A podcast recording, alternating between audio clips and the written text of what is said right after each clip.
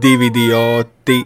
Sveiciens visiem atpakaļ mūsu dārgiem klausītājiem. Es tā saprotu, Kalvis ir paviesojies dažādās vietās, ā, lai popularizētu mūs. Tā kā iespējams mums ir jauni klausītāji, arī statistika iespējams par to liecina. Un tie, kas vēl nepazīst ā, mūsu balsis, tad ā, šis esmu es Emīls, un otra balss, ko jūs dzirdiet, ir. Kalvis.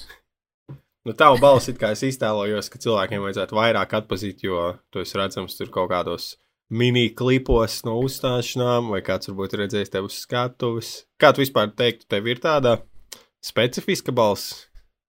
O, es jau gaidīju, ko kādu īpašības vārdu teiksi. Specifiski ir ļoti labs atzīmējums, jo es šodien klausījos kaut kādu vienu no mūsu pirmajām, pirmajām sērijām, lai ieliktu klipiņu internetā. Un es klausījos, un es vienkārši domāju, kāpēc, lai kāds klausītos, un nerunājot par to, maksātu, lai klausītos tajā balsī. Tajā Un, ā, balsī. Jā, ka šī ir man, man ļoti. Es neteikšu, ka man nepatīk, es vienkārši sadzīvoju ar to ne, nedomāju īsti par to, bet uh, man uh, galīgi nav tāda. Tāda uva, nu, man nav, nav ne tāda seksīga. Man, man ir diezgan.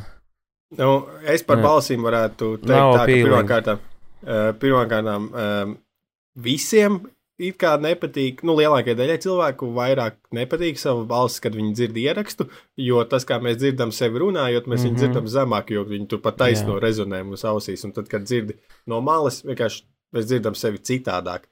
Uh, bet es kopumā iekategorizē- kategorizētu balsis labajās, tā kā tās, nu, tās, kas ir radio balsis, jā, parasti tur mm -hmm. ir kaut Mhm. kādi cilvēki, kuriem ir, nu, kaut kāds īpašs Monetizējamās. balss, la, labā ziņā, jā. Tad, ir, tad, protams, ir tā kategorija, kur ir kaitinošanās balsis. Nu, ir tā, tu Oh, citreiz jā. satiec kaut kādu cilvēku, kuru, tu, kad viņš runā, tev jau automātiski ir antipātijas no, no tā, kā viņa balss skan. Jep. Nu, un tad, protams, vairums sastāda to eh, grafiku vidējās balss. Es domāju, ka mums abiem ir vidējās balss. Nedomāju, ka kāds speciāli klausās mūsu daļā tā mūsu balss tembra, bet es arī nedomāju, ka mums ir tāda, ka būtu jāizslēdz ārā daļa tā, kā viņa skan. Nu, man, man es sev ieliktu, varbūt tajā jā, vidū, bet robežojoties ar annoying. Varbūt pat ne Man par- annoying, bet vienkārši tā kā, nu, nepatīk. nepatīk. Man par balss ir tā, ka uh, es atceros, kaut vai 19 gadi vai 20 kaut kādā pasākumā es biju, un tātad tur bija uh, bērnu stūrīts vai kaut kāds bērnu pasākums, nu, kur izklaidēja, kā to sauc, animatori, ķipa, kas ir bērnu ballītē izklaidē. Un tātad zem šīs te viena animatora kostīma uh, slēpās tātad uh, kāda sievietes balss īpašniece, kuru es tajā brīdī uzskatīju, nu, es dzirdēju viņas balss no malas un likās, wow, šī ir top. Trīs skaistākā balss, ko es esmu dzirdējis. Un, uh, tikmēr saskat, un, un bija Un man bija tas uh, interesants sajūta, jo es viņu neredzēju. Jo, zināmā mērā, tad, kad tu saliec kopā balsi ar cilvēku, tas uzreiz tev kaut kā vairāk nu, iedod kaut kādu sajūtu par to, tas tev vai patīk vai nē, tīri mm. -hmm. kāds vizuālistās. Tā kā viņi bija tajā kaut kādā debilajā zaķa kostīmā, un par spīti tam stulbiem zaķa kostīmam man tā balss likās afigēnā, tad uh, es sapratu, ka man ir jāredz, kā izskatās šis cilvēks, kam ir šī skaistā balss. Un tad es arī sagaidīju to brīdi, eh, tā meitene novilka to eh, savu masku, un es viņu pa gabalu apskatīju. Un, nu, viņa izstājās, nu, normāla meitene, nekas īpašs, bet tā balss tā bija skaista. Okay, vai tu piegāji viņai to pateici? Nē, bet, nu, es eh, tajā laikā jau biju, man šķiet, attiecībās, man nebija, nebūtu čēns, nu, nebūtu taisnīgi iet un kaut ko koļīt viņu, bet man liekas, es būtu brīvs vīrietis, un es eh, ja, tikai tīri pēc balss ietu, tad varbūt zaķa kostīmā, kamēr viņa būtu, es vēl būtu par viņas koļīšanu, bet tad, kad viņa Jā. novilktu zaķa cepuri, tad varbūt, eh, nu, varbūt vairs netik ļoti. Varbūt tikai tumsā. Wow, tikko, tikko tu vēl teici, ka viņa ir ok. Nu, jau tu saki, ka viņai vajadzētu. Ma labi, ka viņai maska bija galvā. nu, tāpēc, kad es savā partneru attiecībās, uh, ok, nav, nav neiztur kritiku, tā kā nav zem standarta. Vajag vismaz Ah, labi. okay, okay, okay. Um, tev Mm. patīk tādas, eh, tas, kas skaitās it kā seksīgi. Es atceros, bija amerikāņu pīrāgā tā viena aktrise.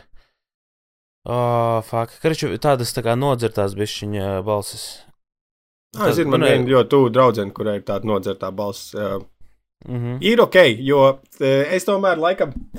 Man patīk uh, unikalitāte. um, Respektīvi, arī man varbūt netik daudz interesē kaut kāds tāds uh, standartizēts skaistums, kā kaut kāds īpašāks skaistums. Jo, piemēram, zīmēšanā vai gleznošanā, tad, kad es akadēmijā mācījos, tas ir kaut kas, ko ir grūti saprast. Uh, pirms tu to dari, pirms tu pēti, kā cilvēks tev liekas, nu, ka tas uh, standarts, ko uzsaka sabi- sabiedrība, tas ir tas īstais skaistums. Bet tad, kad tu saproti, ka tev, pieņemsim, viņš ir jāattēlo, tu zīmējot vai gleznojot, ka tev interesē nu, kaut kādas īpašāki skati, nezinu, tāds liels, mm. -hmm. pieņemsim, izteikts deguns, viņš varbūt nav skaists tur tādā globālā izpratnē, bet tev kā māksliniekam tas uzreiz liekas pats, tas ir daudz interesantāk nekā redzēt to atkal simto standartizētu skaisto degunu. Kā, eh, Man patīk tā unikalitāte. Respektīvi, tāda nodzertā balss man liekas interesantāka un skaistāka nekā vidēji skaistās sieviešu balss. Pieņemsim, no Latvijas. Latvijā īstenībā no sievietēm, kam ir tādas radio balss vai filmu balss, ir daudz tādas arī īpašām. Pieņemsim, Katrīnu Pasternaku, man liekas, visi pazīst. Vai reizē Kalniņai ir ļoti arī tāda specifiska balss. Nu, Es nesaku, ka tā nodzertā, bet tāda īpašais tas skanējums. Kā tev? Tev arī patīk tās īpašās balss vai tā tās Nu, standarta? īstenībā es neesmu klausījies to, ko tu saki, un tev, nu, praktiski vārds vārdā tas, ko tu teici, es domāju, jā, tu vienkārši paliela manu viedokli arī iz- izklāst. Un es tieši tāpat domāju, ka tas ir interesantāk, jā, ka ā, tāpēc arī vienmēr, kad ir kaut kādi tur top 100 seksīgākās sievietes vai skaistākās sievietes, un es skatos to top 10, tā kā, no ka viņas nav neglītas, bet tā kā, tu, tev nepietiek vienkārši tam līdzīgu meitiņu apkārt. Mm. Un, kā, man, man patīk, jā, kad ir kaut, kaut, kaut kas tāds. Nu, kā, Jā, tas, var, tu es, es, es piekrītu tam, ka tai unikalitāte ir skaistums, bet varbūt ne visos gadījumos. Es tikko lasīju Redditā eh, tādu ierakstu, eh, kur dalījās kaut kāda sieviete, kurai ir 27 gadi, un viņa ir eh, jaunava, un viņai tikko bija seks, un tā ir bijusi šausmīga pieredze. Jo viņas kā, seksa partneris nu, bija, viņš bija ļoti pārsteigts par viņas vulvas izskatu. Respektīvi, viņai bija kā, viena no tām vulvas lūpām eh, kā, neeksistējoša tikpat kā, un otra kā, ļoti gara. Un Jā. tas, un tad tas čalis pirms um, veica seksa aktu, to garo daļu ielocījis iekšā. Un tad līdz iekšā savu krānu, un tad viņa visu laiku tikai eh, seksa laikā domāja par to, cik uh, briesmīgi nestandartizēta ir viņas vulva. un, un, uh, Jo... jo, Gribu dzirdēt, fun fact, kamēr tu šo stāstīji ja, par to vienu garo vulvas lūpu. Fonā man, mans kaķis vēmj. es tagad skatos. viņš Un, dzirdēja, viņš tev laikam ir eh, tā, ka var dzirdēt, ko es runāju. jep, come on. Plēģi, man labi, ka ir koka grīda. Labi, mēs pēc Jā, un, un, un tad tur komentāros bija, uh, komentāros bija doma, ah, oh, viņš droši vien ir skatījies, nu, ja, ja viņš ir skatījies daudz porno filmas, tad viņam vajadzētu zināt, ka vulvas izskatās daudz un dažādi. Bet, mm -hmm. no Mhm. otras puses, ja viņš ir skatījies daudz porno filmas, tad arī tur ir šis skaistuma standarts, un tur ķipa vulvas arī sekos līdz tam vienam skaistuma standartam, kurš, nu, visticamāk nav, ka tev ir viena gara vulvas lūpa un otra nēsoša. Nu, vismaz simetrija ir tas, kas pornogrāfijā ir prasīts. Jā, vai nu abas nēsošas, vai vi, abas ļoti garas. Šī, Nu, šī, varbūt kaut kāda šī saruna ir. nedaudz, nedaudz man nes, neskapēc atgādina, ka mēs salīdzinājām datora lādētāju vada galiņu veidus. Ka, kaut kas tur līdzīgs ir. Uh, runājot par to, mēs, es atkal esmu aizmirsis pieteikt uh, otrajā daļā. Mēs uh, kādu laiku esam filmas ierakstījuši, tā kā uztaisīsim atkal mm. -hmm. filmu scenāriju. Parasti mēs Mēģināsim dabūt to dinero no kultūra kapitāla fonda. tieši tā. Bet, bet, bet to vispār ir reāli rea, realizēt. Mēs varam kultūras kapitāla fondam nevis sūtīt kaut kādu tur projektu, izstrādāt ar filmu scenāriju, bet vienkārši mūsu podkāstu ierakstu, par kuriem viņiem vēl jāsamaksā, lai noklausītos. Nu jā, ja pieliekam uh, elektronisko parakstu un maucam. Viss. Tev nav kaut kāda gala. Nu, man, es neesmu nekad neko rakstījis kultūras kapitāla fondam, bet gan jau kaut kā viņiem var kaut ko piedāvāt. Nu, es esmu, tā kā man bija paziņu lokā cilvēki, kuri teica, o, es rakstu projektu, un tad viņi to dara, un es, es nezinu, kā tas jādara, neesmu bijis uh, pašā tajā procesā klāt, Tāpēc, bet, nu, gan, gan jau, ka, ja mēs ļoti gribam, mē, gribētu, mēs atrastu kādu, kas to izdarītu, tā kā mūsu, mūsu mm. idejas izlikt uz papīra. Jā, projekta rakstīšana, tas ir bezmaz, nu, atsevišķs skills, tipa rakstīt. Es, projekts. es iedomājos viņu tā kā, ok, jums iesniedz projektu divi idioti. nevaru, nevaru sagaidīt, kad es lasīšu viņu lieliskās idejas. Tātad, kā parasti e, manā iknedēļas pierakstos, kurus var redzēt ekskluzīvie Patreoni, divi pie viena pat ir reakcija zīmīte un rēcīgais smaidiņš pielikts. Un ar, es domāju, ar to, mm -hmm. ar to iknedēļas pierakstu mēs varētu sākt. Jo pagājušajā nedēļā, ja tu atceries, es teicu, ka es skatījos Face Off, vai iesāku skatīties, vai ne? Kaut un es, viņu, un es viņu pabeidzu skatīties Face Off, un Face Offam bija vienkārši viss. Vis, nu, neloģiskākās beigas. Nu, es saprotu, viņi ķipa, gribēja taisīt nu, tā tādas skaistas, tur audlīgas beigas vai kaut kādas episkas, bet tas vienkārši ir apstāsts īsumā. Tas ir beigas, Tiem, ir tāds, nav redzējuši. Jā, tā tad FaceOp ir, FaceOp ir filma, par, kur cīnās viens pret otru kaut kāds super noziedznieks un super labais policists. Un tad viņiem pašā filmas sākumā tas e, noziedznieks nošauja tā policista dēlu. Ja? Un tad tur filmas laikā viņiem samaina sejas, un tas policists ir ar tā ļaunā seju, un ļaunais ir ar tā labā seju, un tad ir daudz action ainas un tā līdzīgi. Bet nu, pašas beigas ir svarīgas, kurās filma beidzās, protams, kad tas e, ļaunais noziedznieks tiek nogalināts, un tas policists ir labais, un tas policists beigās adoptē ar sievu tā ļaundara dēlu. Ja, tu, ja mēs, tev tas ļaun, ļaunais čuvaks nošauja tavu bērnu filmas sākumā, un filmas beigās, kad tu adoptē viņa bērnu, tas vienkārši liekas viss most unhealthy. Nu, tas mentāli, tas nav iespējams. Kurš cilvēks tā kā adoptētu savu slepkavu dēlu? Tas nav vienkārši šis pilnībā ticamība nekāda. Nu, es domāju, tu vienkārši skaties šo filmu caur nepareizo skatu punktu. Uh, tas, ko es tur redzu, ir, ka tātad šis policists, kurš beigās adoptēja noziedznieka dēlu, tas ir labākais. Kurš ir nošāvis tavu dēlu, iedomājies, tu skaties uz to sīko, kuru tu esi adoptējis, un tu visu, ko tu nevari nedomāt par to, ka bācis tavs sensis nošāva man īsto dēlu. Kāds saka? Nu, bet klausies, tāpēc klausies. Tev ir tas tā, pretinieka dēls, ja? un tas ir labākais veids, kā viņam atriepties par to, ko viņš izdarīja. Paskaties, kas man ir. Es zinu, ka viņš ir miris tajā filmā, tas noziedznieks.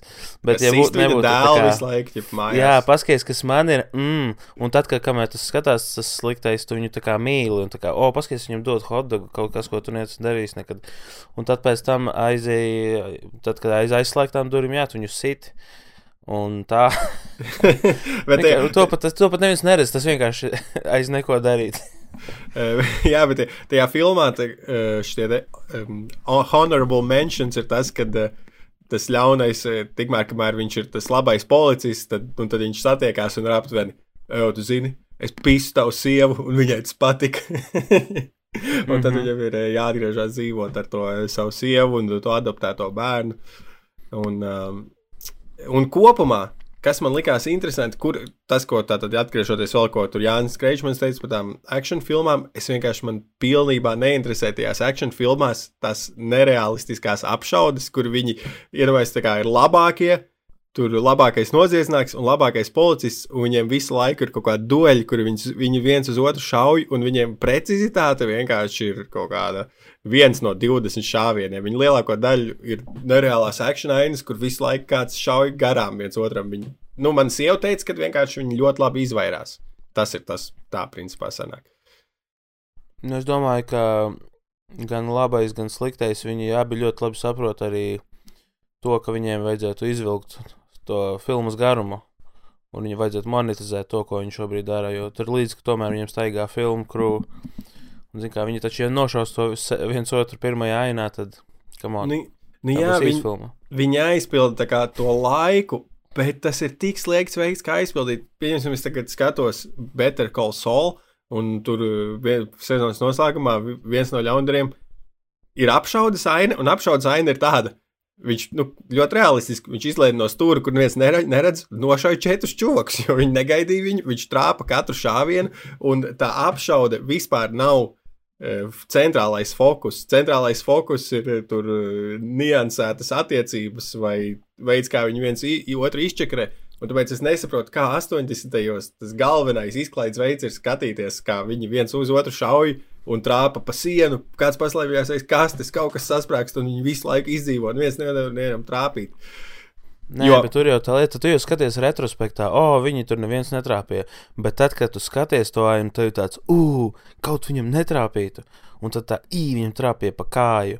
Un uh, tad, tad, tad, tad, lūdzu, tur tas suspense ir. Nu, kam on, mm, vajag taču mm. arī kaut kā to spriedzīt. Nu, es nezinu, jo parasti tajās action filmās tā schēma būtu tāda, nu, pieņemsim, Rainbow. Ir viens ļoti labs čuvaks, kurš visiem var trāpīt, un viņam neviens nevar trāpīt. Un no tā Jā. radās tā actionaina. Bet šajā face-off filmā, par cik viņa visi ir kā, par viens pret viens to cīņu, tad regulāri ir tie, tās cīņas, kur viņi šaudās savā starpā, un par cik neviens nedrīkst īsti nomirt jo tai filmai vajag to garumu, un tad visu laiku sanāk, ka viņi viens otru šauj un nevar nošaut.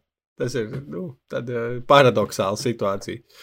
Nu, It... Viņi nošaus viens otru vis, uh, viskinemātiskākajā brīdī. Jo nevar taču kaut kādā, kaut kādā nezinu, gaitenī viens otru vienkārši nošaut. Tur vajag kaut kādu lielu noliktavu baloži lido. Un kas tur vēl bija? Tur, man liekas, arī bija baloži tajā filmā. Ja? Noteikti. Nē, tur pēdē, pēdējā apšaude ir tāda, ka viens no viņiem ir paslēpies aiz spoguļa. Un tad, eh, un tad tas, eh, tas labais čalis, viņš, nu, tas viens no šāvieniem, viņš tā kā tēmē pa spoguli, un viņš tajā brīdī, fuck, es kā tēmēju pa sevi. Bet tas ļaunais reiz tā spoguļi, tad šauj tā kā sev, bet tāpat laikā es šauju arī tam ļaunajam, un tas ļaunais tā pāris pā, paliec malā. Nu, lūk, redzi, tur tā tad viņa nav vienkārši bezsmadziņu action filma. Šeit bija tikko ļoti eksistenciāls moments, kur galvenais varonis vai, vai arī noziedznieks, es neklausījos, skatījās spogulī uz sevi un gatavojās šaut. Un uh, viņš tā kā bija tas moments, kur viņš tā kā redz, wow, bet tas mēs viņu tagad šaušu, es gribu nogalināt viņu, bet es arī nogalinu sevi tajā procesā. Saprotu, to. tu spēlē kalkulē līdz čelīti. Jā. Nu, laikam, ir cilvēki, pro... kurš sēž un, šitā un vienkārši ķīdā filmas un viņiem par to maksā. Nu, jā, laikam tā problēma, ka es atkal spriežu pēc sevis, jo man, nu, man skatoties to filmu, man face off, nu, kopumā man likās ok filma, bet man interesantākās mm -hmm. ainas tā tad bija nu, tieši tās, kur, ir, kur tiek eksplorēts, kā tas ir, kad nu, tam policistam ir jābūt, jāizliekas par ļauno noziedznieku starp citiem noziedzniekiem, vai arī tas ļaunais pišķi no tā policista sievu, un tā starp, starppersonu attiecības, ka tu esi samainies ar tiem ķermeņiem, bet tās visas akciju ainas ir vienkārši nu, garlaicīgā daļa. Bet es spriežu tikai pēc sevis, un noteikti ir tādi cilvēki, kuriem liekas nereāli garlaicīgi viss tā, tā kā psiholoģiskā daļa. Viņu, kad viņš šaus, viņš šaus. Viņi skatās pulksteni un skaita minūtes kopš pēdējās prādienu. Jā. Un tu vienkārši, kā tu pats teici, ja tev nepatīk, tu neesi mēķa auditorijā. Jā, ko, ko mēs vispār varam spriest? Kas ir mēķa auditorija? Ast, 80. gada action filmai, nu, 90. No, Jā, Anis Kreičmanis. Jā. Viņam pat, viņam face-off, es domāju, bet, nu, fei, man jebkurā gadījumā. Nē, bet es zinu, es zinu tā, viņu un tādus kā viņu, kam šīs filmas, man, piemēram, brālis arī skatījās visus šos bojevikus. Es arī bērnībā skatījos, jo vienkārši viņš skatījās. Un uh, visu laiku konstanti skatījās tās pašas filmas, Tina Kasete uz atpakaļ, skatījās negluži uzreiz, vēlreiz, bet, uh, jā, man ir tā kā mūsu tēvu paudze. Viņi tā kā, jo tās visas mums bija čūpa ar kasetēm, un tētis viņas bija dabūjis, un tā kā tā video maģu, tā, kā to pasaka. Tad, kad viņi parādījās Latvijā, tas bija baigas tās, tā kā, wow, paskaties, kas man ir. Wow, tev tas kasešnieks ir. Jā, un viņi brauca viens pie otra, sēdēja un skatījās kasetes ļoti hujovā kvalitātē, bet jums bija, tu varēji Rembo noskatīties savā istabā. Tas bija vienkārši pīzdēts. Jā, man ir, man ir ļoti labas atmiņas. Eh, es atceros, eh, nu, mums bija video noma jūglā, un šeit tad mans sensis, tad uh, mums ar māsu pieskatīja, un tad viņš gāja vakaru, nu, mēs gājām, tā kā notikums bija iet uz to video nomu, izvēlēties to kaseti, un tā video nomas atceros, viņā neskapēc bija divi vēl gambling aparāti, kur bija kaut kāds pokers mm -hmm. un vēl kaut ko, kur Viņš gan nespēlēja, bet ko citu spēlēja. Man liekas, diezgan fun. Vienkārši iet spaidīt tās pogas, lai gan nebija naudas iekšā. Tur nekas nenotika, mm -hmm. bet tāpat spaidīt tās pogas. Bet jā, tā video noma bija tā tāds kūp, stikla kūps principā. Un viņš visas sienas bija vienkārši pilnas ar dažādām kastēm un vāciņiem un tam līdzīgi. Un bija rīktīgi, tur jūties tas tā kā tā salduma veikalā un uh, kādu filmu izvēlēties. Yep. Skaties. Tas bija interesanti tādā ērijā, kas ir nomas. Es atceros, jā, tos kas ir nomas. Tas uh, man bija viens tāds gadījums kaut kur pamatskolā. Es iegāju video, kas ir nomā un izvēlējos Tom and Jerry Kids kasetu vienu. Un uh, es tā kā paņēmu, samaksāju, aizbraucu mājās uz laukiem. Un pēc daž dažām dienām man tēvs prasa, tu gadījumā nesi kasetu no paņēmis? Saku, jā. Viņa jādod atpakaļ. Es nezināju. Es nezināju, ka tu, ka tu noskaties un nākamajā dienā ir jānes atpakaļ. Es domāju, tā kā, nu, paņēmi, paskaties kādu laiku, un tu nes atpakaļ. Tev bija uh, soda nauda kaut kāda? Nē, nu, tur bija tā kā tēta, tur, tas bija maza pilsēta, tēta pazīstams bija, un tad vienkārši pateica, mans dēls ir idiots, lūdzu, nelieciet man maksāt soda, soda naudu eiro 50. Idiot, Nē, 50. Idiotismo origin stories. Mm. Par, Tādu man stāstu ir ļoti daudz. Vispār par nomām runājot, es atceros, mēs vasarās braucām uh, pie vecmāmas uz laukiem dzīvot ar brālēnu, un tas arī bija kaut kādā ļoti mazā miestā, un tad bija kaut kādi kaimiņi, no kuriem varēja izīrēt plēsi un tad uh, uz brīvdienām. Wow. Un, tad, un, tad, un bija tik stulbi, ka vecmāma nesaprata to prikalu, ka nu, mēs izīrējam to plēsi, un tad viss, ko mēs darām, ir sēžam pie tā plēša, nu, jo viņš ikdienā nav. Get pie... your money's worth. Tieši tā, viņa nesaprata to prikalu, ka, uh, ja mums ikdienā nav tur tas plēsis, un tad, kad viņš ir, tad viss, kas ir jādara, ir jāsēž tikai pie viņa, un viņš tikai jākapā. Jā, mums bija. Uh, cauri mežam jāiet tur pāri grāvim. Dzīvoja viens čalis, un viņam bija nu, tas NES, Nintendo, yeah. kasašnieks, tas žiletons, saucat kā gribu viņu. Un tad es no viņa kaut kad biju ņēmis arī, un tas um, aizņemies kaut kādu nedēļu paspēlēt, tas bija nice. Un uh, es gan esmu arī, ah, es esmu arī nomājis uh, plaisi, man šķiet.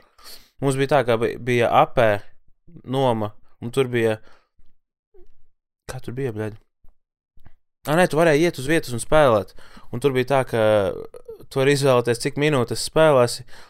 Un bija summa, bija reizes divi. Pieņemsim, tu spēlēsi 20 minūtes, tad 40 centīmi. Ah, jā, jā, es arī atceros, ka bija, kad uz vietas varēja iet spēlēt lietas. Jā. Nu, mēs, Juglā gan nebija, Juglā bija jau datorspēļu, datorzāļu laiks, kad mēs gājām. Un, bija, man ir tāda atmiņa no datorzālēm, ka mēs gājām ar klases biedriem pēc stundām spēlēt CS. Nu, protams, ka mm -hmm. nu, 80% no turienes ir krieviski runājošie, un, mēs, mm -hmm. un vienmēr bija mīziens, jo bija leģendas, un arī tā notika, kad pie, pie ieejas vienmēr tusēja kāds urļiks, kurš mēģināja sīkiem atņemt naudu, lai varētu bišķiņu uzgaimot. Tas vienmēr bija kā mīziens. Uh, Eh, un tad, atceros, mēs spēlējām visi CS, un mans čoms bija pirmo reizi atnācis. Viņu sauc Roberts, un uh, viņš kā pieģēnojās, nu, Lanā, tur viss tā spēlēšana notika, un viņam, viņam jāieraksta nicknames. Un pienāk viens šis te eh, lielais, tipo, krievs, tā kā palīdzēt uzsitapot, un viņš prasa, nu, kakoj, tip, jau, ni, ni, nik. un, mm -hmm. uh, bet Džoks saka, ah, es nezinu, man nav nickname, viņš tā А, ну labi, ģipā, ka, как тебя зовут? Mans draugs saka, nu, Roberts, un tas čels, ah, skaidrs, un viņš viņam ģipā ieraksta Robčiks ar četrnieku un X beigās. un tad mēs spēlējām CS pret krieviem. Nice. To vietu sauc uh, bunkurs, un viņa bija uh, uztaisīta. Viņai priekšā bija tādas tā kā, milzīgas seifa vai kaut kādas, tur nezinu, zemūdens, ūdens ar tādu uh, zemūdens durvis ar tādu griežamo uh, mm -hmm. tā kā rulli figņu. Tur iegāja un vienmēr tā sajūta bija, nu, datorzālēs bija maksimāli šeidī. Jā. Jums bija tāda, jums, ne, es nezinu, no jūglā bija tāda, ne, tāda nav bijusi. Populāra. Jo bija... Mums apē, vispār, es, mums, es, cik, es, cik es atceros, man tā teica, es nezinu, bet mūsu ģimenei bija, man liekas, otrais dators apē vispār. Un, un um, Un, protams, viņam, viņš bija nu, nekas, šo, tagad, ja tagad skatītos tos uh, mm. status. Un tāpēc tāda datoru, datoru kultūra Ne, man liekas, nebija, ne, mums nebija, arī APE nebija pietiekami liela, lai uztaisītu kaut kādu interneta kafejnīcu. Kāds iepirktu datorus, un tur cilvēks sēdētu. Nu, jā, nu, jā. kā parādījās, bija, pārgāja no, uh, nu, datora vienkārši parādījās, un nebija, nebija tādu. Um, ah, nu, kriču tas, ko es gribēju teikt, ka bija, bija konsoļu īra, un nebija nekad tāda datoru, to Mm, datoru kafejnīcu, un vienkārši tā, tas posms izpalika kaut kā tur mūsu galā. jep. nu, mums jūglā bija reāli trīs datorzāles. Bija pagrabs, bija bunkurs un bija kīšlaks. Un uz kīšlaku iet bija vislielā, visvairāk sketčī, jo tur visbiežāk kādam atņēma naudu.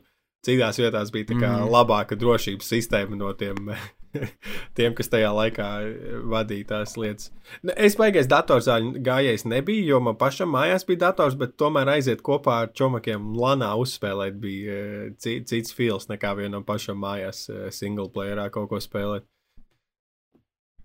Jā, man, man gan patika vairāk vienmēr single player spēles. Jo, tā kā, nu, es gribu izbaudīt to spēli, kāda viņa bija uztaisīta. Nu, uh, vai kur man liekas, vai kur ir mūsu stāsts, vai kur mūsu uh, izēju šo, sašauju šos briesmonīšus. Tipā kā piece of art. Jā.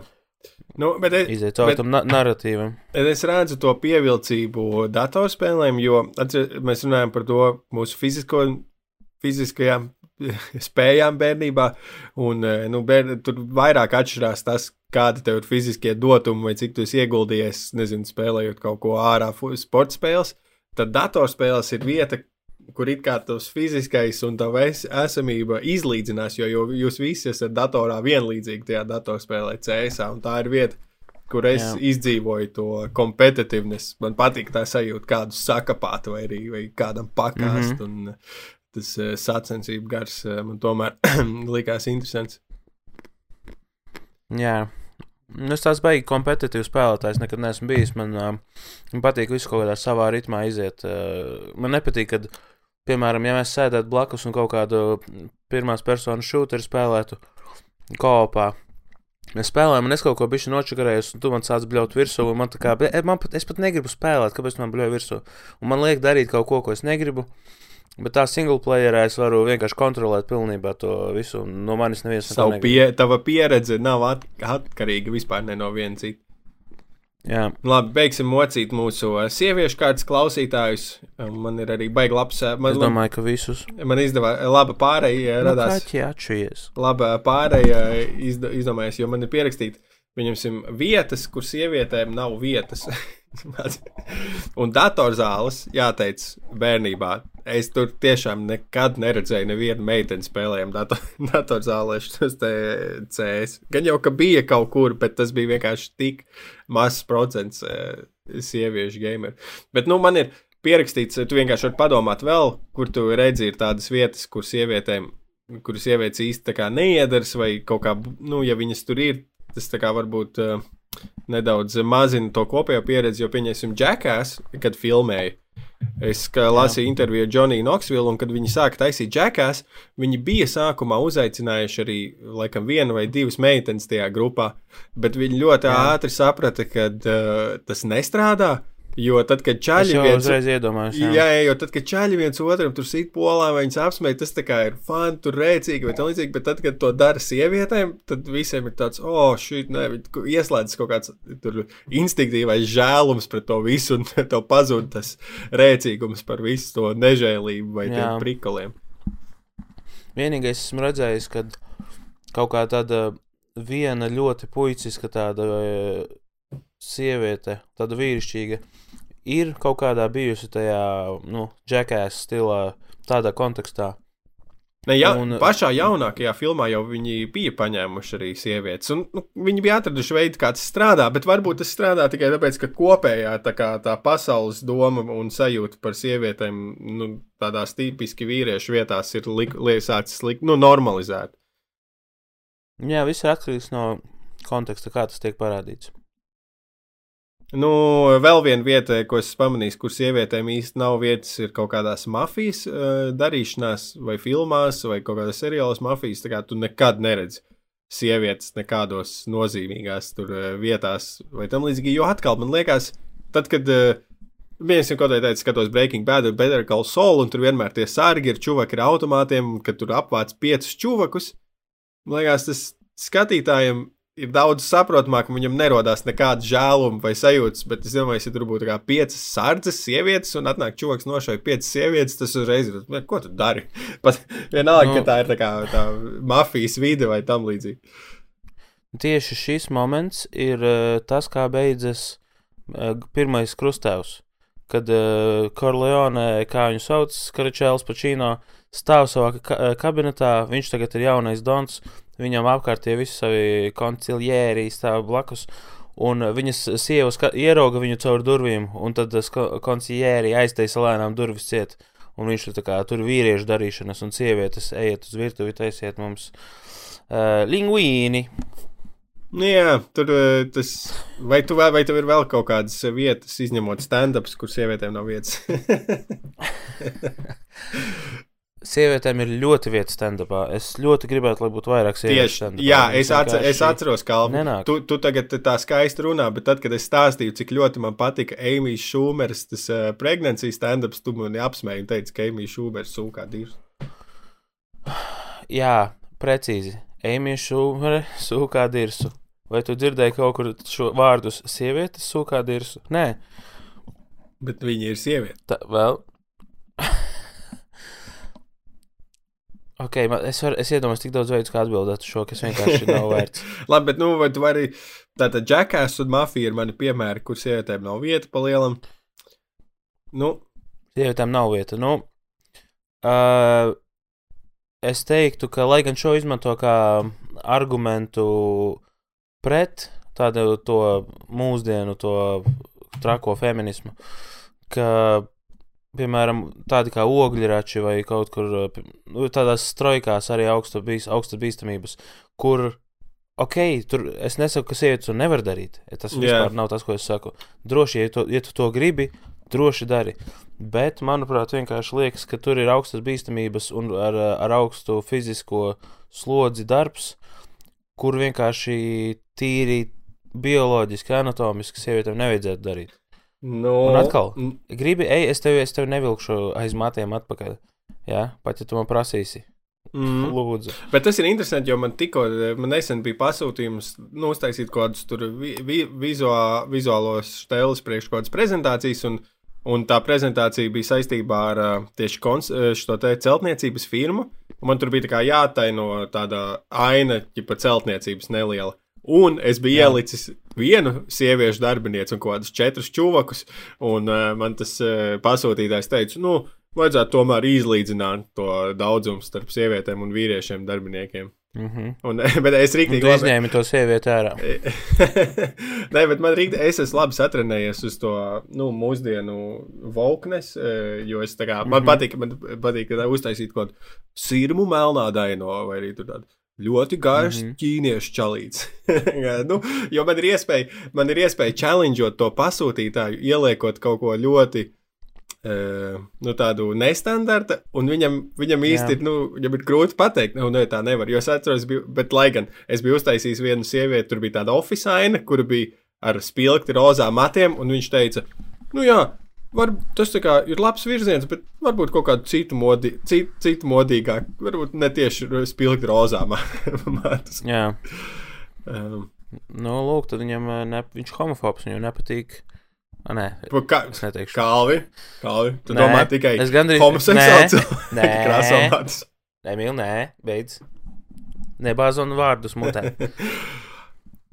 uh, es bērnībā krāsēju matus man bija, es nezinu, man māma atļāva to darīt. Man 4. klasē bija nokrāsot sarkanu mati, 6. klasē bija nokrāsot melnu mati, un viņi izaug, izauguši garāki bija. Un tad bija reize, kad es gāju kopā ar mammu uz veikalu kaut ko iepirkties, un es krāmēju mantas maisiņā. Un tad pārdevēja teica, ah, re, kur jūs meita aizmirst tur ielikt maisiņā šito, un bija tāds, oh, shit, man ir jātiek vaļā no garajiem melniem matiem. Jā. es netikšu misgenderots vēl vienreiz. Tev, tev ir kāda tev kā ir pieredze, darīja, dzīve, kā... tev ir, tev ir pieredze dzīvē, kur um, tu esi uh, uz, uztverts kā meitene. Jā, yeah? bija situācija, ka man kādreiz bija gari mati. Un um, es uh, palīdzēju, kad mēs bijām kaut kur aizbraukuši, taisīt santehniku kaut kur, kaut kādā pilsētā, nav svarīgi. Uh, pusdienlaiks aizbraucām līdz veikalam. Uh, mans brālis ar pārējiem jau sēž busā. Es pēdējais nāku, viena tantiņa pienāk klāt un uh, saka, vai, jūs, vai jūs palīdzētu man pāriet, no līdz mājai aiziet. Es domāju, nu, kur jums tā māja? Viņa rāda, vai ka tur pie krustojuma. Es saku, nu, ok, labi. Un viņi ļoti lēnām iet, mēs ļoti lēnām ejam, mēs tipinam, tipinam, tipinam, pārējiem, pārējai, pārējai. Pievedu viņu pie viņas mājas, un viņi saka, variet man lūdzu atslēgas palīdzēt atrast. Tas nav stāsts, nu, izklausās okay. no kaut kāda tam izdomāta. Tas šis ir izstāsts, tik stereotipiski. Jā, klausies. Pāriet klausies. večiņai par ielu. Nē, es tev, es tev vienkārši atstāstu tik, okay, tik labi, cik es atceros. Fakti, fakti tie. Viņi man saka, atrodiet, at, varat palīdzēt atslēgas atrast. Es domāju, ok, kā tu katru dienu tiec šito patīkalā. Bet ok, ja manis te nebūtu. Un tas es rakāju, rakāju, mēģinu tur atrast tur visām zālēm un huīņām, kabatlakatiem, atrodu atslēgas, es iedodu viņai Viņa, tas, viņa saka, paldies, meitenīt. oh, es minēšu, jā, ka ilgi tev gari perf... vairs nebija. Um, ja godīgi, jā. Um, bet tas bija tāds tik. Tas kā punchlines perfekts tai visai situācijai. Tas bija pats pēdējais, ko viņa pateica. Ja viņa pateiktu sākumā, meitenīt, vai jūs man palīdzēsiet aiziet līdz mājai, man būtu, nu, tas nebūtu varbūt tik ļoti atpalicis atmiņā, bet šis bija tāds ļoti tāds, mua, tāds kā būtu uzrakstīts. Jā, es vispār sāku domāt, varbūt man bērnībā bija kaut kāds uh, hormonu disbalans. Jo viena no manām iesaukām kaut kādā, nezinu, 5. vai 6. klasē bija bumbieris, jo ķipa man nebija tā tā izteikta tā, kā, tā V veida forma, bija reāli liela dirsa un ma ma maza augša no tādas stereotipiskas sievišķīgas formas. Varbūt man vajadzēja jā, pie hormonologa kaut kāda. Endokrinologs, laikam, to sauc. Tas varētu būt, jā. Um, tas visnotaļ tā izklausās, jā. Bet, jo nu- tas ir tā kā sievietēm vairāk uz gurniem, un kas tas ir augšsilbi. Ciskas dibants. Jā, es nekad uh, es nekad neesmu varējis relētot ar to uh, vīriešu toaletes zīmi. ja man būtu jāiet tīri jā. pēc tā, kā es jūtos, vairāk trīs stūris uz leju vai tur trīs stūris uz augšu, tad vairāk trīs stūris. Nu, tev jau mēs zinām, ka vajadzētu kvadrātzīmes. Es? Jā, jā man liekas, esmu... tas ir tāds perfekts taisnīgs stūris. Paldies. nu, tas ir e, kā no viena testosterona trūkstoša čaļa otram testosterona trūkstošam čalim.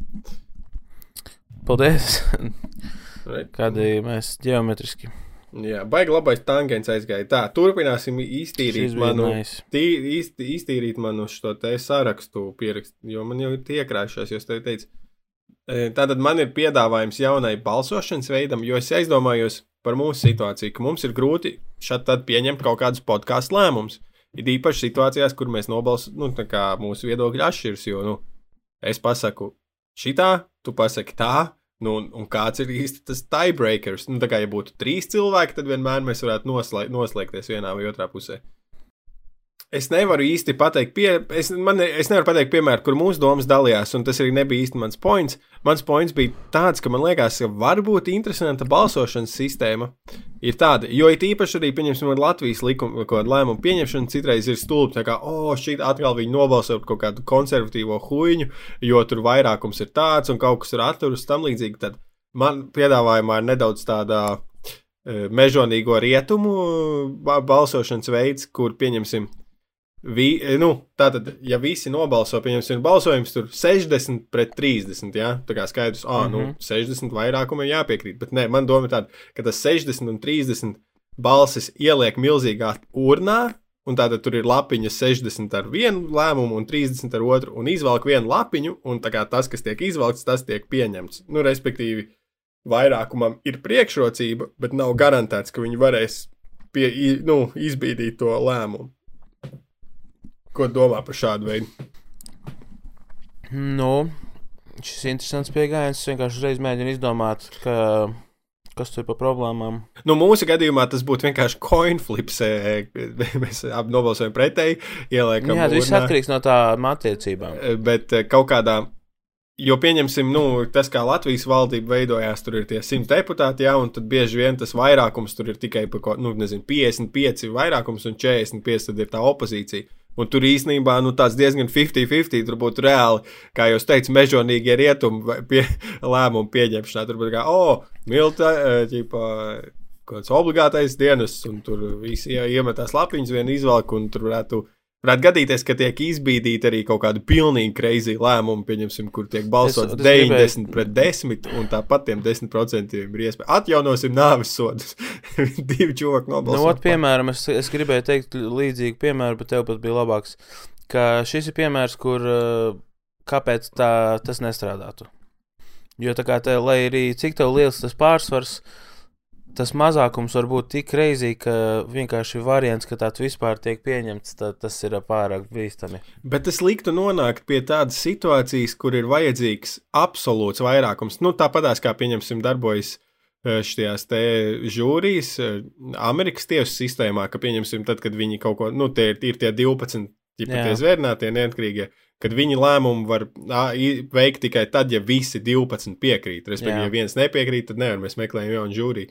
Un, un respektīvi, šī te balsu vilkšana ārā arī liktu beigās, man liekas, panākt to, kad ir vajadzīgs, nu, kad Nu, droši vien visi vienkārši izvairītos, jebko mainīt, jo būtu pārāk riskanti, ka kaut kas noiet greizi. Um, jā, es nezinu, kāds, kā, Hmm. Es vienkārši domāju, kāds būtu variants, ja tagad mēs visu laiku runājam bināri. Jā, vai nē, tā vai tā. Yeah. Bet kā būtu, ja, piemēram, tur ir septiņi, septiņi atbildžu varianti? Un tad, tu, tad viņiem tur ir kaut kādi 10%, 20%, 5% nu, sadalījums. Es nezinu, Latvijas uh, variantā ir tikai Latvijas monētā ir četri varianti. Jā, nē, atturos vai nepiedalos. Atturos vispār ir bomba. Tas ir tā, es nesaprotu, kā tas vispār būtu legāli. Tu veiksi savu darbu un tu vari atturēties vai vispār nebalsot. Tas ir tāds Jā. fucking bullshit. Kā tas nav vēl naidīts, es vienkārši nesaprotu. Reāli rēns par to ir. Pilnīgi. Tev var droši tādā aiziet. Rentā par to. Nu, ne, tas Jā. vienkārši tik debīli, ka pat tur nav ko reāli par to teikt. Oh. Yeah. Cita balss ir. Meklēt, par ko runāt? Nu, man ir, man jau viss ir sagatavots, pieņemsim. Eh, es redzēju, es skatījos tātad mūsu to statistiku. Runājot, mēs varam panākt nedaudz iečakot mūsu podkāstu statistiku, jo pēdējo reizi, man liekas, mēs iečakojām kaut kad, kad mums bija simts sekotāji. Tas bija kaut kad, man liekas, uz vasaras vidu vai beigām. Tad uh, viens no interesantiem faktiem par mūsu podkāstu ir tas, ka mums ir viens klausījums no Japānas. Tad viens, wow, wow, wow. viens Latvijas Japānā ir vienreiz ieslēgts mūsu podkāsts un izslēgts. Mhm. Mm nice. Bet ir pāris vēl kaut kādi tur. Nu, man vispār pārsteidz, ka Latvijā ir kāds Japānis. Un iedomājieties, nu labi, droši vien Latvijā ir, nu, Japānā ir vairāk latviešu nekā viens. Bet iedomājieties, cik mm -hmm. maz tur ir latviešu, un kad viens no viņiem ir ieslēdzis mūsu podkāstu, tas ir diezgan nais. Varbūt tas nav tik neticami, jo es saprotu, ka tie Bieži vien tā kā aktīvi latviešu satura patērētāji ir tieši latvieši, kas atrodas ārzemēs, jo viņi ir homesick vai ne. Viņiem tā kā, oh, es dzirdu apkārt japāņu valodu, visur man pietrūkst mājas, jāklausās kaut kas latviešu vai ne. Tā kā varbūt tas nav tik pārsteidzoši, ka mums ir viens cilvēks no Japānas. Bet nu sveiciens viņam! Viņai! Čau! Tam! Viņo. es nevaru izturēt. Tad, kad bija tā uh, saruna par to nu, Latvijas uh, dzimumu, dzimumu to noteikti pašnoteikšanos un tam līdzīgi. Par to, cik latviešu valoda ir nepiemērota tiem eh, viņi, viņš, viņš, vi, viņš, viņa, viņi, un tad es redzēju, ka kaut kas pieteicis Latvijā. Uh, viņo? es nevaru. Nu, kā ne, latviešu valoda baigas ūkā priekš, priekš non-binary cilvēkiem. Žēl man jūs. Jā, tāpēc domāju, ka Nevajag neko ieviest. Neko? Nē, nu kaut ko jau gan jau, ka jāskatās, kā šis virzīsies uz priekšu vispār pasaulē. Jo. Pats. Nerunājot pat par pronomiem, bet vispār kā tas viss. Lai, jo šis ir kaut kāds tāds īsti nebijis fenomens, un mēs vēl nezinām, kā tas beigsies ilgtermiņā. Tāpēc eh, mums vajadzētu būt pa, paiet pāris paudzēm, uh, kas ir nodzīvojuši šādās, šādā, yeah. nu, šādā vispārējā akceptants līmenī pret, piemēram, pret transgender cilvēkiem. Un tad būtu jāskatās, nu, kā, kā tālāk rīkot pasauli, jo šobrīd vienkārši tas ir tik, kaut kas tik jauns un tik ļoti strauji mainās, ka mēs nepaspējam. Mm. Mēs jau gribam, lai viss jau ir izdomāts un viss jau ir noteikumi vietā, bet vienkārši mēs pārāk maz dzīvojam ar apziņu, kā, kā, kādi cilvēki var būt. Un mēs neesam paspējuši neko Jā, nu, nu, man, kā, man kā diezgan liberālam cilvēkam, man liekas, pilnīgi fini. Man, man liekas, tik stulbi. Kāds ģipā, sakars, kāda tev atšķirība, ja cilvēks grib definēties kā citādāk, lai viņš to dara, tā ir viņa, nu, viņa darīšanas, man dzīve pilnīgi neiet, neietekmē. Un runājot par mūsu statistiku, eh, nav noslēpums, ka mūsu populārākā klausītāja vecuma kategorija ir 28 līdz 34 gadi, nu, kas arī esam mēs paši, vai ne? Un, iedomājieties, kad uh, no tās statistikas ir no tiem 53, tieši šajā vecuma grupā, 53% ir vīrieši, 40% ir sievietes, Jā. bet veseli 7% ir non-binary. Tātad, uh, ne, oh, nice. tas, ir diezgan, uh, Čau. tas ir diezgan jau uh, liels cipars, manuprāt. Bet kas ir jocīgi, ka non-binary nav nevienā no citām vecuma kategorijām, tikai no 28 līdz 34. Un, man liekas, tas varbūt ir tāds vecums, kad tu jau esi pietiekami drosmīgs un jau tā kā atradis savu identitāti, ka tu vari nu, atzīties, ka tu esi non-binary. Ap, apgalvot to, jā. Jā. Bet jā, tā ir. Tas ir pietiekami mentāli nobriedis, tā kā tas laiks pienācis. Jā, un tie, kas ir tajā augstākajās grupā, eh, vecuma grupās, viņi ir pārāk old school, lai atzītu to. Jā, tā tad runājot par mūsu statistiku, kas ir interesanti. Tātad interesantie faktiņi. No 45 līdz 59 gadu vecumā mums klausās tikai vīrieši. Jā, tur nav nevienas sievietes. Ah, nē, lai gan nu, kaut kāds tur nenozīmīgs 5%. Kas jums darīt, nav ko? Un kopumā mums vispār ir vairāk vīriešu klausītāji, 60 pret 40%, nu, plus tur tie daži non-binary procenti. Kas ir fini, jo es tiecos līdz tiem, man, protams, gribētos sasniegt 50 uz 50, ka mums klausās perfekti, perfekti balansēt. Nu, labi, teiksim tā. Ideālā statistika būtu 45% sieviešu, 45% vīriešu, 10% non-binary. Vai arī, nu, cik ir jābūt tam? Uh... Nē, es saku, neapstājamies līdz mums ir 100% non-binary. Tieši tā, visi varētu identificēties kā non-binary, un tas būtu fine. Euda, vai klausītāji, uz, uz vienu statistiku, vienkārši uz vienu apskati, visi pārslēdzamies uz non-binary, lai mēs varam apgalvot, ka mums tā ir. Bet viņi to vairs nevar mainīt. Man liekas, ka ir, tas ir tā visi Spotify. Tad, tad, kad tu pieredzēji Spotify, tev ir jānorāda, vai tas ir sieviete vai vīrietis vai non-binary. Kurš aizmirstat manu ģeniālo plānu? Jā. Un uh, mēs tuvojamies 300 sekotājiem. Mums ir 287, tā kā 300 ir ļoti Ko daudz. Yep.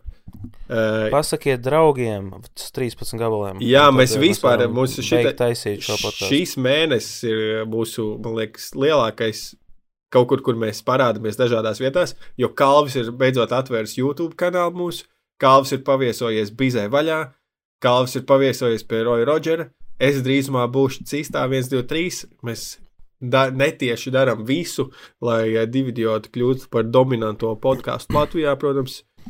Diezgan... Es arī, man ir tūra bišķiņa stand-up, kura, kura arī kaut kādā veidā noved pie podkāsta. Ok, viņi tā kā noklā, noklausās tavu uzstāšanos, bet tas ir idiots. Un viņi iet YouTube, uh, Google, tāds kalvis. Izrādās, ka kal... viņi ir divi. viņš iegooglē kalvis idiots. divi idioti. Jā. Uh, tātad... Es domāju, ka tas būs meklētākais Google search. Nu jā, man par nu, vidēji mūsu epizodēm ir aptuveni nu, kaut kur no 200 līdz 300 klausījumiem. Un, kā tu skaties to ciparu, tas ne, nu, viņš īsti liekas, nu, ir ok. Bet tad, kad es vizualizēju to, ka tā ir, nu, es atceros, nu, es uzstājos visvairāk, laikam, esmu kā sunī, un tur man liekas, zāle ir 200 jā. cilvēki.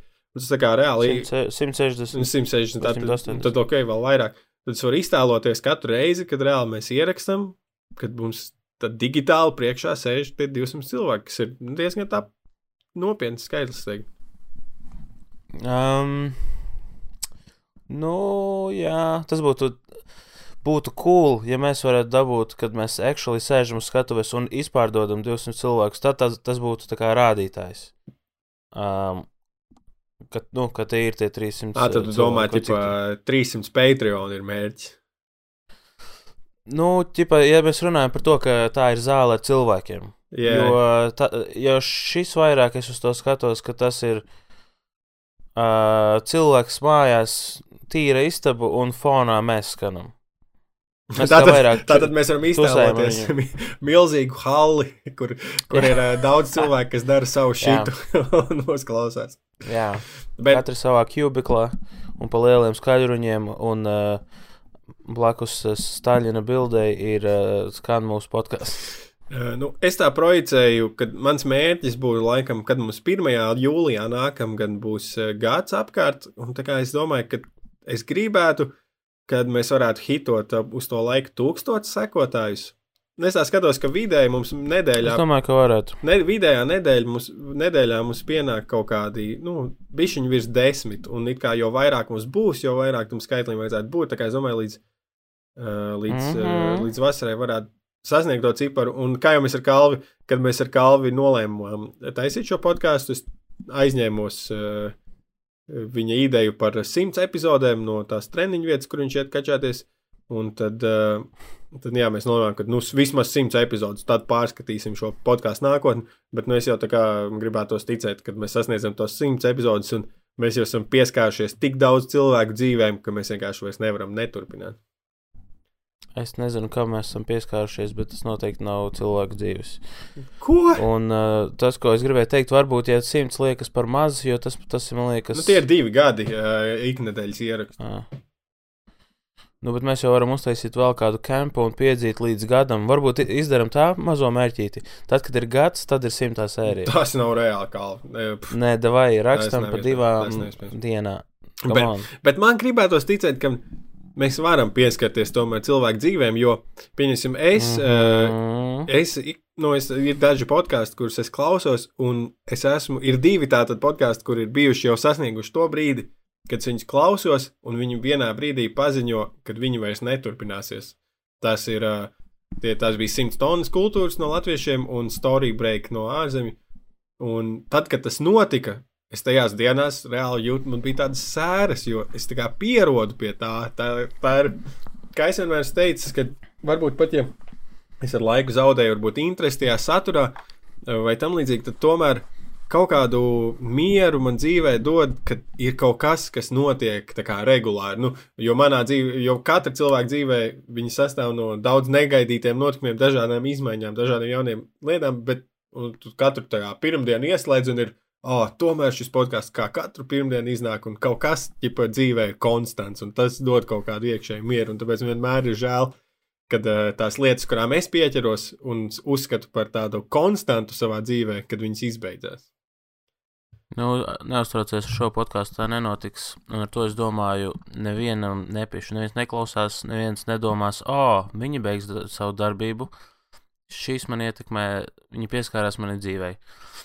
Nu, nu, nu, neuztraucies. zin kā mūsu klausītājiem vēl nav bijis tāds pārbaudījums, jo pirmā reize, kad tu vari izjust to, ir tad, kad ir kāds podkāsts, pieņemsim, kam ir iknedēļas izlai, izlaidums, un pieņemsim, nu, tu, tu jau nedomā par to, ka, oh, katru pirmdienu iznāk, vai arī, ja tu domā, tad, pieņemsim, neiznāk viena nedēļa, neiznāk otra nedēļa, un tad, kad mēnesis nav iznācis, ja tad tu iedomājies, ej, kur palika šī tā stela, tad tu saprati, ka tu esi izveidojis šo pieķeršanos, ja tu iedomājies par to, ka viņa nav parādījusies. Mēs tādā ziņā vēl neesam izlaiduši tik daudz uh, kaut kādu laiku, lai pārbaudītu mūsu klausītāju pieķeršanos. Jā, es sapratu, Nu, nu, pateicu. Nē, nesaprotu, sorry, es vienkārši ēdu končus. Kāds Mums à, to, to savu diabēts. latviešu ķipa, e, dāvaniņu. Tā kā Laima man sasūtīja bija 40 kastes ar konfektēm, un viņi bija zina, ka es man garšo. Esmu pus, puskastē ar asortiem izēdis. Es esmu debils vienkārši. Es nevaru vispār iest tos asortus, jo mana mamma strādāja, strādāja par slimnīcā, par vecmāti un iepriekš tur vēl par kaut ko. Un, eh, respektīvi, visi mediķi Latvijā un kā citās austrumu Eiropas valstīs pieņemts vairāk, varbūt kādreiz bija izteikts, nu, nestās pateicības kaut kādas. Un bieži vien tās bija končas, un vienkārši bērnībā bija nereāli daudz tās sūdīgo konfekšu kastes. Un eh, es vispār nevaru laimes, ko šokolādi iest. Man jau tāpat šokolādes smarža un garš ir nereāli atcīt atpakaļ, jo es bērnībā visu laiku uz viņām turējos. Varbūt tāpēc man sauc par bumbieri. Varbūt. Es atceros, jā, kad uh, man tēva, brāļa, sieva bija ģimenes ārsts, un arī, kad es aizbraucu ciemos, kad biju sīgs, tā kā skatos, ak, mans dievs, tur vienkārši ir kā grēda ar končām, konču kastēm, un uh, tad es paprasīju, un man iedeva. Man, man tik ļoti gribējās, ka es pār- pārkāpu savu milzīgo kaunu runāt ar cilvēkiem. Iedeva. Tas bija labi, laba motivācija. mm. Man ir Saldumi vienmēr ir laba motivācija. Um, Tā tad, eh, kas man vēl no tiem pierakstiem, kas man ir jātiek vaļā? Man ir viens, man ir principā šī, šis stāsts, nu, ne stāsts, bet novērojums ir kaut kas, kuru, ja es kādreiz taisītu stand-up, es to noteikti būtu viegli pārvērst par bitu, jo e, dzīve ar bērnu. Nu, gan lielāk, gan mazāk, bet īpaši ar mazāku, tevi bie, mani, nu, nu, bieži noliek situācijās, kuras var justies kā pēcvienības darbinieks vai kaut kāds Toms Krūzes filmā. Jo tātad, piemēri, pieņemsim, tad, kad es eju uh, mājās ar meitu, mums mājā ķipa, pie durvīm ir šis te kods jāspiež, un ja es nepietiekami ātri saspiežu kodu, tad mana meita iedomāsies paprasīt, ka, oh, es gribu spiest kodu, un ja viņa sāk spiest kodu, es vienkārši pārvēršu ieiešanu mājās kaut kādām trīs minūtēm. Tā kā es nedrīkstu kļūdīties, spiežot to kodu, ir jāapspēj mm. -hmm. sasprast precīzi kombināciju, jo es nokavēšu, tad sāksies sarunas un būs problēmas. Šis, uh, šis ir, uh, šim ir ļoti labs bita potenciāls. Jā, jo klausies, man ir vēl pāris piemēri. Jo tā tad vēl viena Wow, wow, wow, situācija. wow. Pieņemsim, noteikti es redzēju filmās kaut kādās action ainas, kur, pieņemsim, galvenais varonis, nezinu, viņam ir sašauts kājas, tāpēc viņš nevar kustēties, viņam ir uzkrits kaut kas smags, un tad viņam ir rīktīgi jāsniedzās pēc tur ieroči vai kaut kā, lai tiktu vaļā. Tad tieši tādā pašā situācijā tu vari nonākt, ja tu midzini mazu bērnu, un tu viņu esi aizmidzinājis, un tu zini, oh, šī tā kā viņš tajā guļ, ja es kaut ko viņu izkustēšos, viņš iespējams pamodīsies un spējas kaut ko gribi, mm Mhm. -hmm. bet, ja televizora pults ir kā rokas stiepienā attālumā, bet nu, tā, ka ir grūti viņu aizsniegt. Un mm tad es vienmēr sevi iztēlojos kā speciālību šo, kur man dzīvība ir atkarīga no tā, vai es varēšu aizsniegt televizoru pulti un ieslēgt kaut ko interesantāku pa teļu, kamēr bērns guļ viņam nepamostādēs.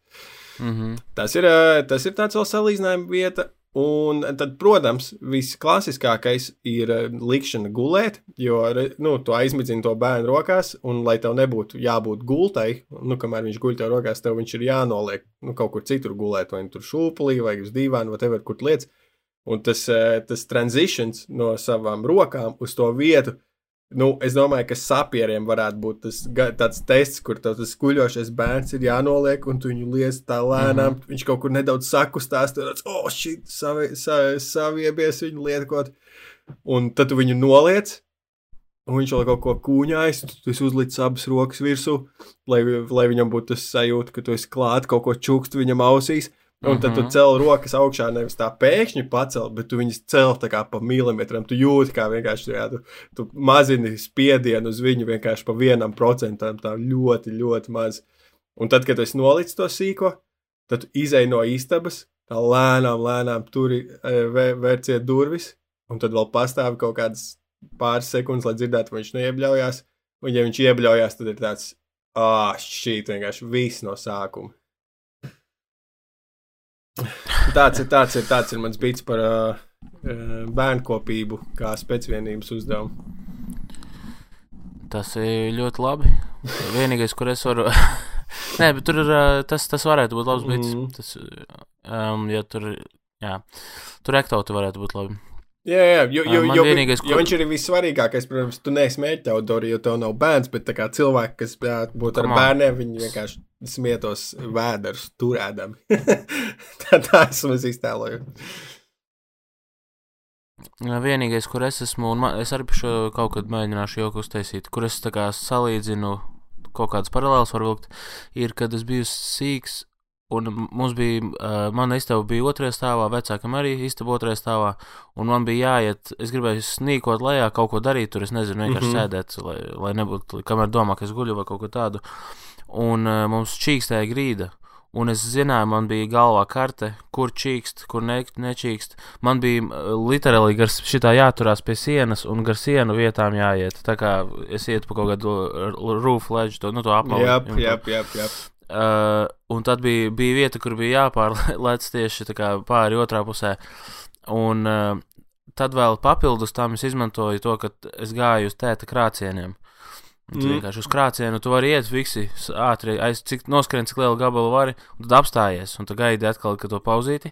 Yeah. Tad, zini, kā citreiz ir tie īsie krāsieni, un tad tu tur mēģini aizstiprināt, bet tad ir atkal tas moments, kur tā kā apstājies, bija krāciens, un tad ir tā, tā, tā, tas moments, kur viņš neelpo kaut kādas divas minūtes.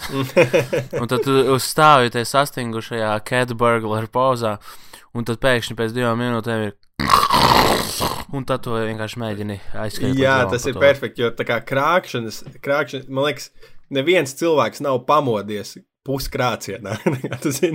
ja viņš krāts, tas ne tikai slāpē skaņu, bet, man liekas, krāpšana ir vis, visdziļākais miegs. ja tu, ja tu krāts, tad zini, ka tas cilvēks ir čīsta parubies.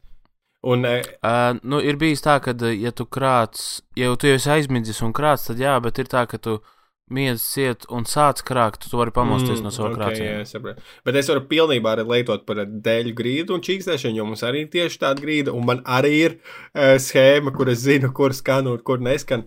Uh, mm -hmm. Bet par krākšanu es viņu izmantoju citreiz, kad es guļu ar meitu vienā gultā, un naktīs, ja viņa tā kā mostā, nu, pieņemsim, uzmostās, nu, vai kaut ko sāk mosties, tad es tajā brīdī sāku krākt Un viņai uzreiz ir tāds, ah, viss ir kārtībā, varu gulēt. Tā kā es citreiz Jā. fake krācu, lai radītu tādu drošāku noskaņu bērnu gulēšanai. Dēm, snīki. Jā, tā kā moš tos sensus krāts, lai tu varētu paiet priekšu. mm, jā, viņš ir tā, oh, kalvs. Kalvs netiek līdz končām. netiek, nu, jā. A, kur končām. tu labies? Yep. Nē, kur notika lavīšanās? Nē, nē, nē, končām. Končām. Tas šos. Pag, pag, man ir. Nu, drošīt gan jau. Jā, gan jau. Es vispār bērnībā, paga, nu, pirms interneta laikmetā, kas bija tavs materiāls? Kasetes porno. Tev bija porno kasetes, jo, cik. Nu jā, tas bija nu, kādas, kādas vien gribi. Nē, jāteic, ka mums arī bija laukos kaut kādas e, porno kasetes, bet es nekad neuzdrīkstētos viņas izmantot priekš drošīšanas. Tas bija, tas bija tikai tā kā fun activities, pakluso ielūrēt. Es priekš drošīšanas laukos izmantoju uh, Antilas katalogus, un beigās katalogos bija krusturu bildes. Ķipa, yep. nu... un citreiz varēja redzēt cauri nīpeļus. Jā, es... Un arī uh, strīpiņu, kas arī atstāta virs vaģinēra. Bācis, tad es saprotu, ka tev ir bijuši tie paši katalogi, un tu viņus izmantoji tāpat. Yep. Ja pa dienu sēdēju uz nu, podu, skatījies kaut kādas mantas, un vakaros gāju skatīties uz beigu. Nē, bet es, eh, un es tieši otrādi to es drošīšanu neizmantoju. Tas bija vienkārši skatījos, tā kā hihi, paskaties, redzēt. Um, bet nē, mums bija porno, kas bija arī tētim, tur porno žurnāli noslēpti, quote un quote noslēpti. Um, porno žurnāli arī... bija, žirafs. Jā, žirafa, laterna, uh, es pēkšņi nevaru, princese, mm. teta, teta.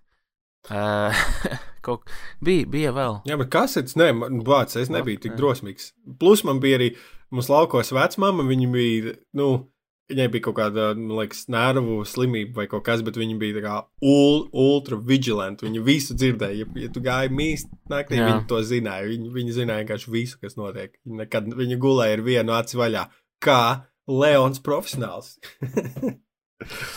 Nu, es varēju, man jau bija atstrādāta sistēma, kad es sēžu lejā, tāds tā kā jau pu, pusskrējienā ietupies, ja? Tā kā reizē drošī. Jā, es iztēlojos. otrā, otrā, otrā. Es iztēlojos, ka no. tu rausti uz krācieniem. jā, ķep, ķep, ķep, ķep ir uz krācieniem. Kurš es raustu, ja? Otrā, otrā rokā ir pults. Jo tāpēc, ka. Jā, jebkurā brīdī jāvar pārslēgt. Tāpēc, ka tāpēc, ka tev ir jāatstāj uh, skaļums ir uz, cik tur es nezinu, 20, 30, jā? Jā. Bet tur uz, tas uzspiedis mute. Bet tā kā skaļums ir paliks, ja tu atspiedīsi vēlreiz mute, būs 30. Un tā tev nākošajā kustība ir uh, ejēst, izņem kaseti, pārslēdz atpakaļ uz televizoru Un tad pēc tam noliec kaseti, un tu pēc tam teici, un tad tu noslēpies. Teicis, aiziet pačurāt, aiziet atpakaļ. Un tad tu aiziet atpakaļ, ieliec atpakaļ kaseti, attin uz to vietu, kur viņa bija. O, Dievs, tik tā ir tik ārā kaseti.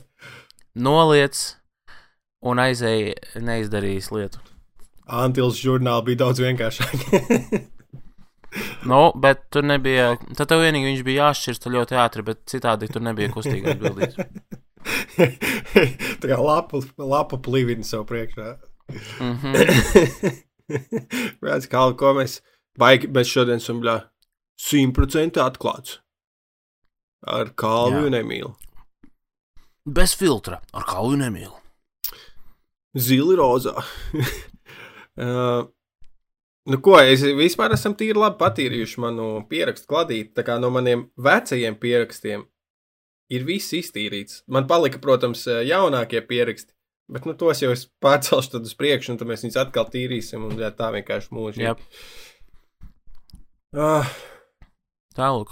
nu jā, ah, pareizi. Tagad ir tas, tas brīdis, tas brīdis, kad mēs pasakāmies paldies mūsu jaunai, jaunajiem patroniem. Šo Paldies. š- pagaidu. Kā Jaunajiem, daru? vecajiem, ah, mēs vecajiem varam pateikties tiem, kas jau ir. Bet šodien mums ir nācis jauns viens klāts, Gustavs. Sveiks, Gustav! Čau, čau Gustav. Tūliņ mēs tiksimies ar tevi mūsu īpaši ekskluzīvajā otrajā daļā, Mhm. kur man šķiet, es pieteicu, ko mēs darīsim. Varbūt nepieteicu. Bet uh, tur mēs kaut ko darīsim tikai jums pieejamiem mūsu īpašajā intīmajā klubiņā. Mhm. Paldies. Mēs, e, tā kā fun fact, priekš tiem, kuri nav Patreonā, tad, kad sāks Patreon daļa, mēs novelkam drēbes. Un izvelkam antilu žurnālus. O, jā. Un e, da, ejam uz krācienu. Pats mūsdienās bērniem ar- vispār nav tāds Un ar ejam, es domāju, droši. Ko gribēju teikt? Es gribēju teikt, ka mūsdienās vispār nav tādas problēmas, tā kā uh, drošīšana. Tā kā bērniem vienkārši Mūsdienās ir tik- tik viegli. vienkārši. Vai ne? Tagad jau viegli. Manā laikā man bija jāiet uz krācienu. Vai kā bija pirms tam? Kā tam sensim bērnībā bija? Kā bija ļoti īpaši Ā, nu... nu- seksuāli izskata koks dārzā. Nu, jā, un tad vēl viņu ar, ar smilšu papīru bišķiņu tā kā uztaisīt tādu pavisam maigu. Un tad, uh, ok, es pārāk detaļās sākšu iet to. Jā. Nevajag. Pārāk trū. Uh, ok, paldies visiem, ka klausījāties. Vēl joprojām notiek kalvja tūre, kur jūs varat apskatīt, ejot uz e.uz slīpsvītra.com.lv. Sekojiet Kalvim Twitterī, atkalvs troska, sekojiet man at atpūties, pievienojieties mūsu Patreonam, slīpsvītrā uh, dividioti. Un klausieties, uh, Kalvis bija bizi vaļā, varat noklausīties, kā viņam gāja, varat noklausīties, kā viņam pie roja gāja. Varēsiet drīzumā dzirdēt, kā man gāja Cista 1, 2, 3. Jo runājot par tu, manu viesošanos Cista 1, 2, 3, šis būs liels pārbaudījums, jo es visu laiku, kā, nu, tad, kad Kalvi aicina, es varbūt uh, mm, kaut kā tā sajūta, ka viņam neizdodas tik ķipa, ātri iejusties tajās vidēs, kur viņu uzaicina. Bet varbūt es pats izjutīšu, ka tas īstenībā ir ļoti grūti, un varbūt man neizdosies. Jo man, jo man tagad liekas, ah, nu, Nē, kas, es tur domāju, aiz, būs ok. kas tur ir aiziet viesos. Ķipā, milzīgi. Bet man jau ir plāns, man ir viena ideja, kad es uz. Um, Man ir aiziet ar, ar ma mazu dāvaniņu priekš hostiem, tā kā lai uzreiz nedaudz iepatī, pielīstu. Man liekas, tas, tā, tā, tā, tas ir mans slepenais plāns. Kā domā, tā ir laba ideja? Nu, tā ir baigs sīka ideja, bet uh, es nezinu, ko, vai, ja tu, tu to dari aiz labas sirds, vai tu Nē, nē, nē. domā, ka tu iegūsi kaut ko Nu, no tas tā? pēc kā varētu būt rēcīgi, es to pieminēšu šajā sarunā, jo mana doma tā tad, nu, ir tāda, ka tad, kad mēs taisījām to 300 latviešu kolekciju, tevi arī mēs neiekļāvām. Ja, ja, ja kolekcija būtu taisīta šodien, tu noteikti būtu ticis 300 latviešu sarakstā. Kaut kā pirms gada Nice. tev vēl nebija lielais būs noticis, tāpēc mēs tam Un žēl, ka NFT vairs nav nevienam nepišu. Nē, pagaidi trīs gadus atkal pisīs. Bet, uh, un tā, Nu, es nebūšu dzīvs pēc trīs gadiem. un tāpat tās. eh, Tāpat arī eh, no Cīsnes 3. tātad ir Ivars, nu, kurš arī tajā laikā bija Simpsons, viņš ir veidotājs, viņš ir taisīts tātad kolekcijā.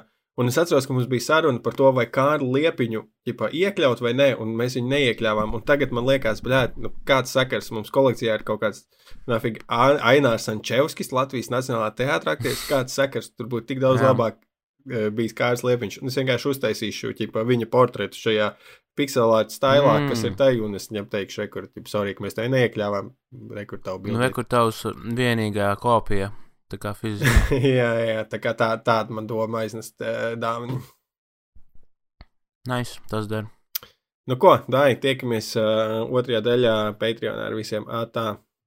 Un uh, Dai, ar jums čau. pārējiem normiem nākamnedēļ. Jā, Bye, bye! kam? Normiem, no, normāliem cilvēkiem, kas nav Patreona ekskluzīvā daļa. Ā, nē, tas bija, tu teici, bye bye. Ah, fuck! Paldies, ka tu mums izvadīji no epizodes. Tā, tev vajag pārtraukumu?